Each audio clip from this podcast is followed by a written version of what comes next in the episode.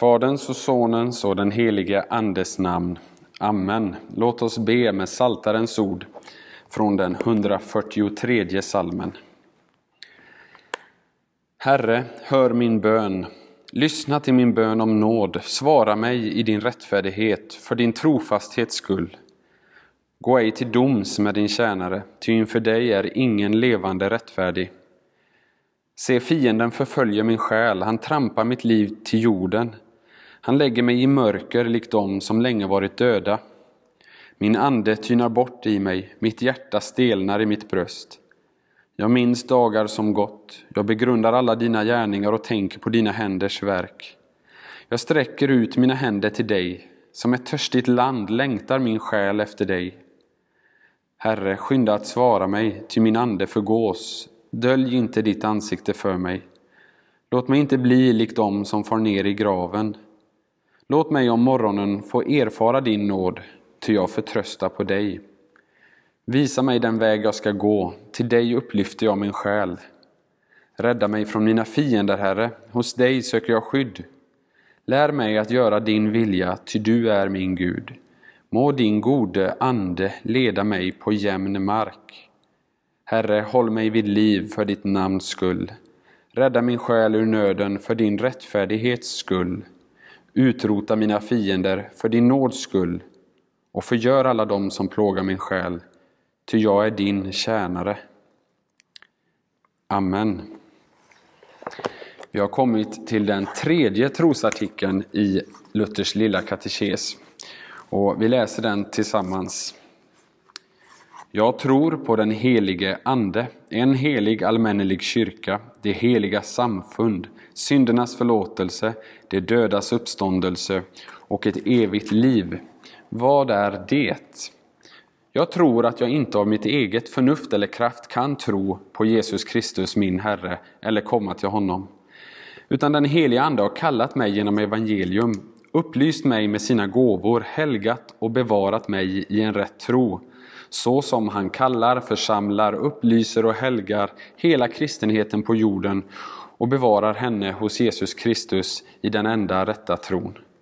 I denna kristenhet förlåter han mig dagligen och rikligen och mig och alla troende alla synder och ska på den sista dagen uppväcka mig och alla döda och ge mig och alla troende alla som tror på Kristus ett evigt liv. Det är verkligen sant.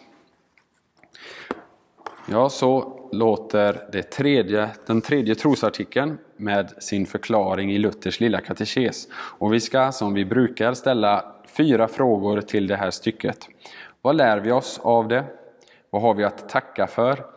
Vad har vi att bekänna för synder? Och vad har vi att be om? Utifrån detta katekesstycke. Så låt oss börja med vad vi har att lära oss av detta. Som ni kanske minns i den förra katekesandakten då vi talade om den andra trosartikeln, då talade vi om hur Jesus Kristus, som genom sitt dyrbara blod och sitt oskyldiga lidande och död blev Herre och kung genom att återlösa, friköpa och vinna människor från synden, döden och djävulens makt och herravälde över dem. Alla som tillhör Kristi rike, de är frälsta. De är räddade och de har allt de behöver för detta livet och för det livet som kommer, det eviga livet. Men för att tillhöra Kristi rike så måste varje enskild människa föras från djävulens rike till Kristi rike. Och det är detta som den tredje trosartikeln handlar om. Det är helgelsen som är överskriften i katekesen Helgelsen är överskriften och den heliga Ande och hans verk är innehållet i den tredje trosartikeln. Av de tre personerna i treenigheten så kan det nog vara så att det är den heliga Ande som är den person som är svårast för människor att föreställa sig och kanske förstå sig på. Kanske beror det på att man har svårt att eh, visualisera sig en bild av den heliga Ande. När det gäller Fadern så är det många människor som föreställer sig en äldre man, kanske utifrån beskrivningen i Daniels sjunde kapitel, där han kallas för den gamle av dagar. Men visserligen så är det ju egentligen så som det står i Johannesevangeliets första kapitel att ingen har någonsin sett Gud. Den enfödde, som själv är Gud, det vill säga Jesus, och är hos Fadern, han har gjort honom känd för oss. Men jag tror människor ändå föreställer sig denna gamla av dagar. När det gäller sonen så är han kanske allra lättast att visualisera. Eftersom sonen i treenigheten blev människa som vi och föddes genom av eh, jungfru Maria, en judisk kvinna för runt 2000 år sedan i Israel. Han såg förmodligen ut som en vanlig judisk man såg ut på den tiden. Och det är också så som han oftast avbildas. Men när det gäller frågan om den heliga Ande så blir det svårare. Vi har ju exempel på att han tog gestalt som en duva vid Jesu dop, men det är nog knappast så att man ständigt föreställer sig den heliga Ande som en duva. Jag tror att många istället kanske tänker på den heliga Ande som alltså är den tredje personen i treenigheten, mer som någon fritt flytande, svävande kraft eller energi. En kraft som helt plötsligt kan drabba en människa från ingenstans och som påverkar mina känslor och mina tankar på ett visst sätt. Det är åtminstone så som det ofta talas om den heliga Ande. Men det här leder ju, som man säkert förstår, inte sällan till att människor blandar ihop vad som är den heliga Ande och vad som är jag själv. Mina egna känslor och mina egna tankar kan misstas för att vara den heliga Andes verk i mig. Men så tänker många människor och så tänker man att det är så som den heliga Ande också verkar i våra liv. Men det är inte så som Bibeln beskriver den heliga Ande och hans verk. Och det är inte så som den kristna trosbekännelsen talar om den heliga Ande och vad han gör heller. Låt oss nu helt kort se lite närmare på hur Luther eh, talar om detta i sin förklaring till den tredje trosartikeln. Det börjar ju så här. Jag tror att jag inte av mitt eget förnuft eller kraft kan tro på Jesus Kristus min Herre eller komma till honom. Vad som sägs här är egentligen, jag tror att jag inte kan tro.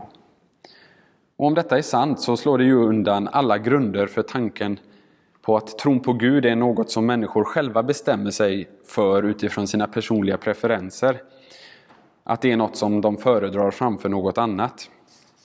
Så som det är fallet med mycket andra, många andra saker i våra liv. Vad vi lär oss i den här meningen i Luthers förklaring, det är egentligen samma sak som vi lär oss utifrån Bibeln. Tro och förtröstan på Jesus, det är något som vi inte själva kan bestämma oss för och välja. Att vi tror på Jesus överhuvudtaget, det är ett under och det är ett verk av den heliga Ande. Något han har gjort med oss.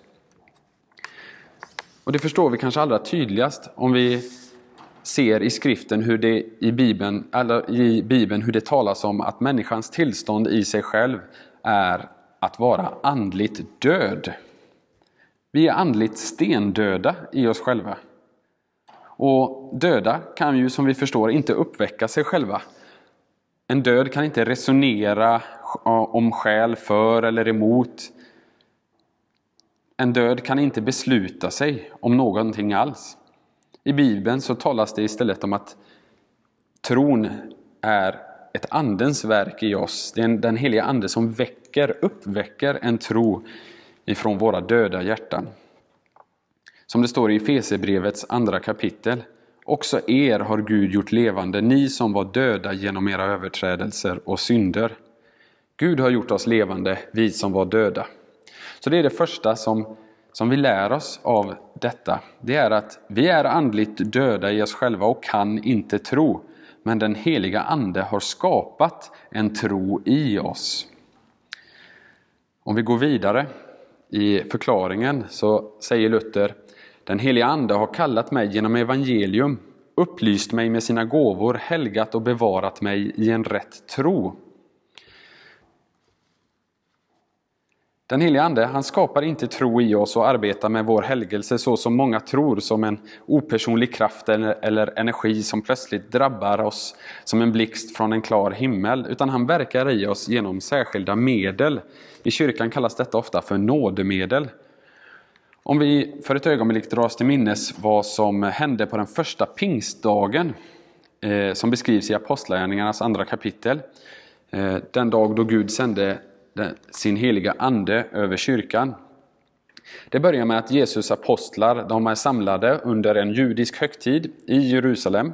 Och det är många andra som eh, finns i staden också av, eh, på grund av den här högtiden.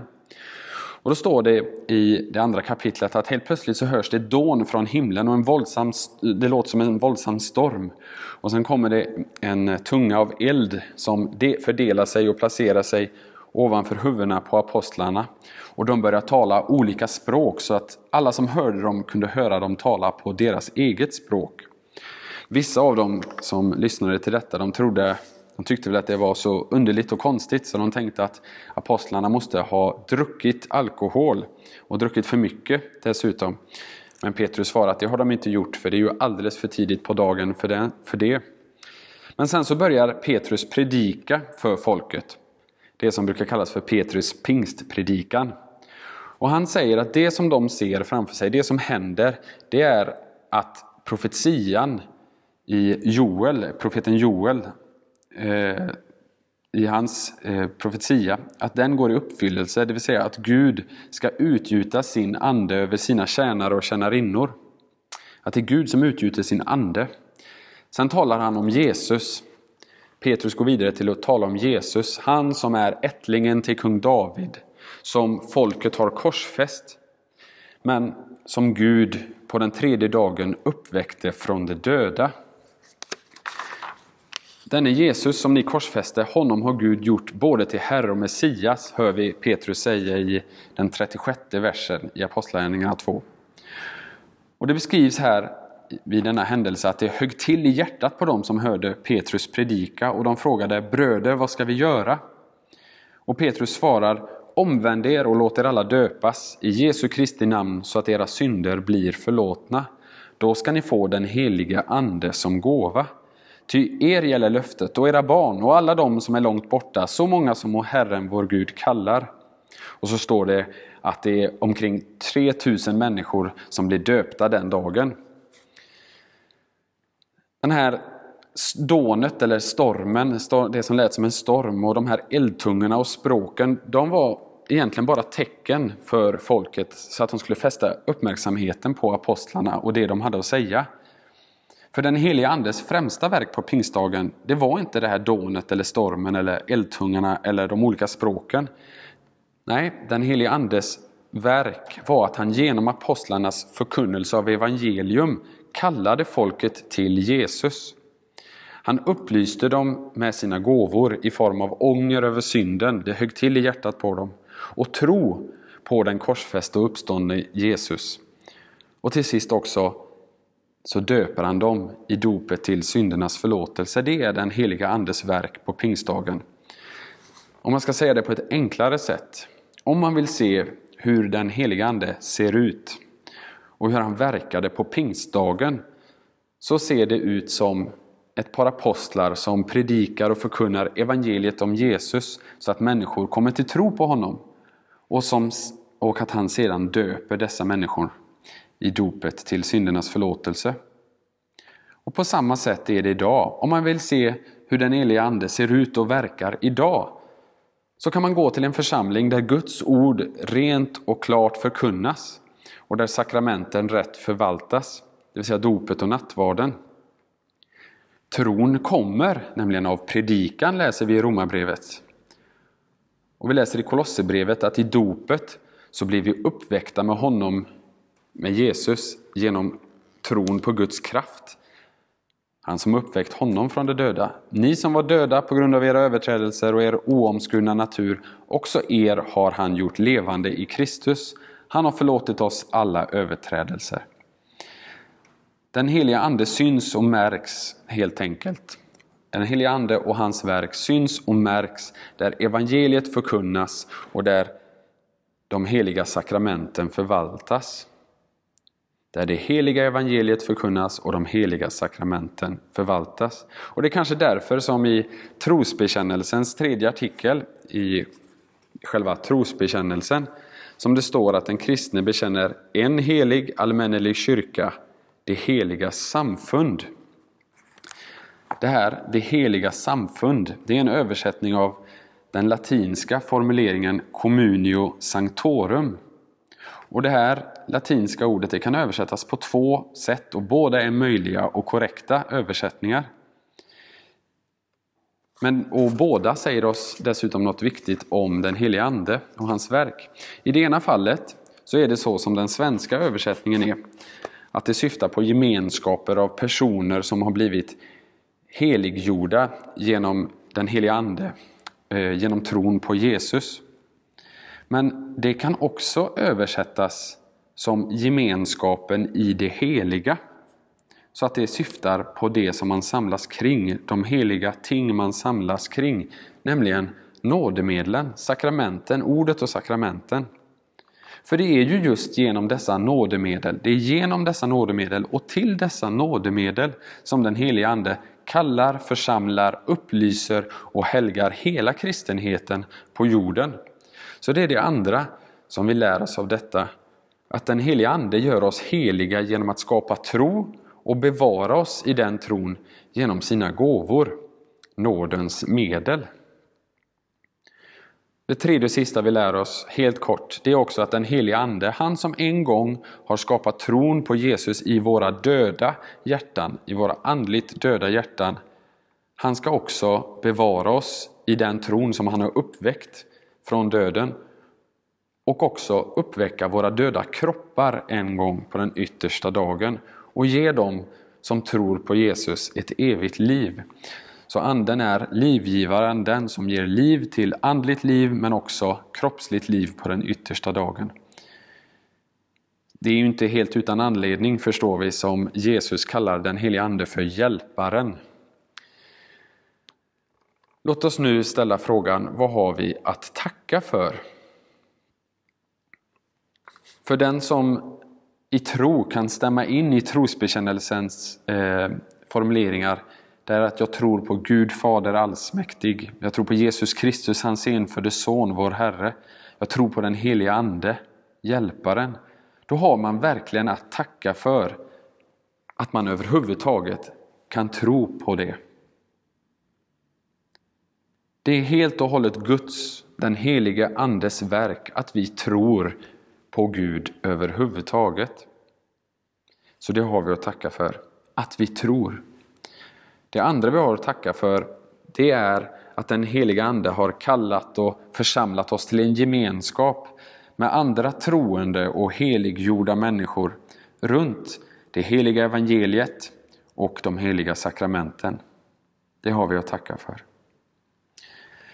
Vad har vi då för synd att bekänna i förhållande till detta? Ja, mycket troligt så är det så att det är flera av oss som eh, behöver bekänna att vi inte ger Gud äran för att vi överhuvudtaget tror. Vi kanske på goda grunder, eller gör vi på goda grunder, vi ger Gud äran för frälsningsverket av nåd på Golgata. Men ibland, och inte så sällan, så, så lurar vi oss själva och tror att vår egen tro är en, en gärning som vi själva presterar en gärning som vi gör, som gör att vi kan brösta upp oss i förhållande till dem där utanför, de som inte tror. Och så är det inte och så ska det inte vara. Den helige Ande är den som ska ha äran för vår tro. Och vi bör be istället om att våra medmänniskor som ännu inte tror ska få komma till tro, precis som vi blivit förda till tro, precis som vi har blivit förda till tro. Kanske har vi också anledning att bekänna att vi inte alltid sätter så stort värde på de vägar, de medel som den heliga Ande använder för att skapa och bevara en tro på Jesus hos oss. Att vi så lätt försummar och Eh, försummar de vägar som han har knutit sina löften om syndernas förlåtelse till. Nämligen ordet, förkunnelsen, bibelläsningen där hemma, förkunnelsen i församlingen men också till sakramenten, dopet och nattvarden. Så det har vi att bekänna som synder, att vi inte ger Gud äran för vår egen tro och att vi ofta försummar och se ner på de vägar som han har valt att verka i oss. Vad har vi då att be om? Jo, vi har först och främst att be om förlåtelse för att vi inte ger Gud äran för vår tro och för att vi inte nog visar uppskattning för den heliga Andes gåvor som han ger oss i ordet och sakramenten. Men vi får också be om nåd, att vi alltid ska få ha fri tillgång till dessa nådemedel som upprätthåller vårt andliga liv och vår tro på Jesus Kristus. Så att vi kan få stå fasta till slutet då få träda in i det eviga livet. Det har vi att be om, så låt oss be. Evige allsmäktige Gud, Herre Gud, du heliga Ande. Jag tackar dig för att du har kallat mig genom det evangelium som blir förkunnat och att du upplyser mig med dina gåvor, ordet och sakramenten så att jag genom dem får bli helgad och bevarad i en rätt tro. Förlåt mig för att jag inte alltid ger dig äran för min tro och inte nog visar uppskattning för dina gåvor som du dagligen och rikligen vill skänka mig syndernas förlåtelse genom. Jag tackar dig för att du har skapat och församlat en helig allmännelig kyrka där jag kan få möta andra som du har uppväckt till tro på min Herre Jesus Kristus. Jag ber att du ska hjälpa oss i denna kyrka att bevara Andens enhet genom fridens band i våra församlingar och kyrkor. Vi ber att du ska fortsätta att av nåd förse oss med allt vi behöver för vårt eviga väl, så att vi en gång tillsammans ska få lovsjunga, prisa och ära dig i ditt himmelska rike. Genom Jesus Kristus, vår Herre. Amen. Låt oss så avsluta med att sjunga den salmen 53 i den svenska psalmboken, salmen 53.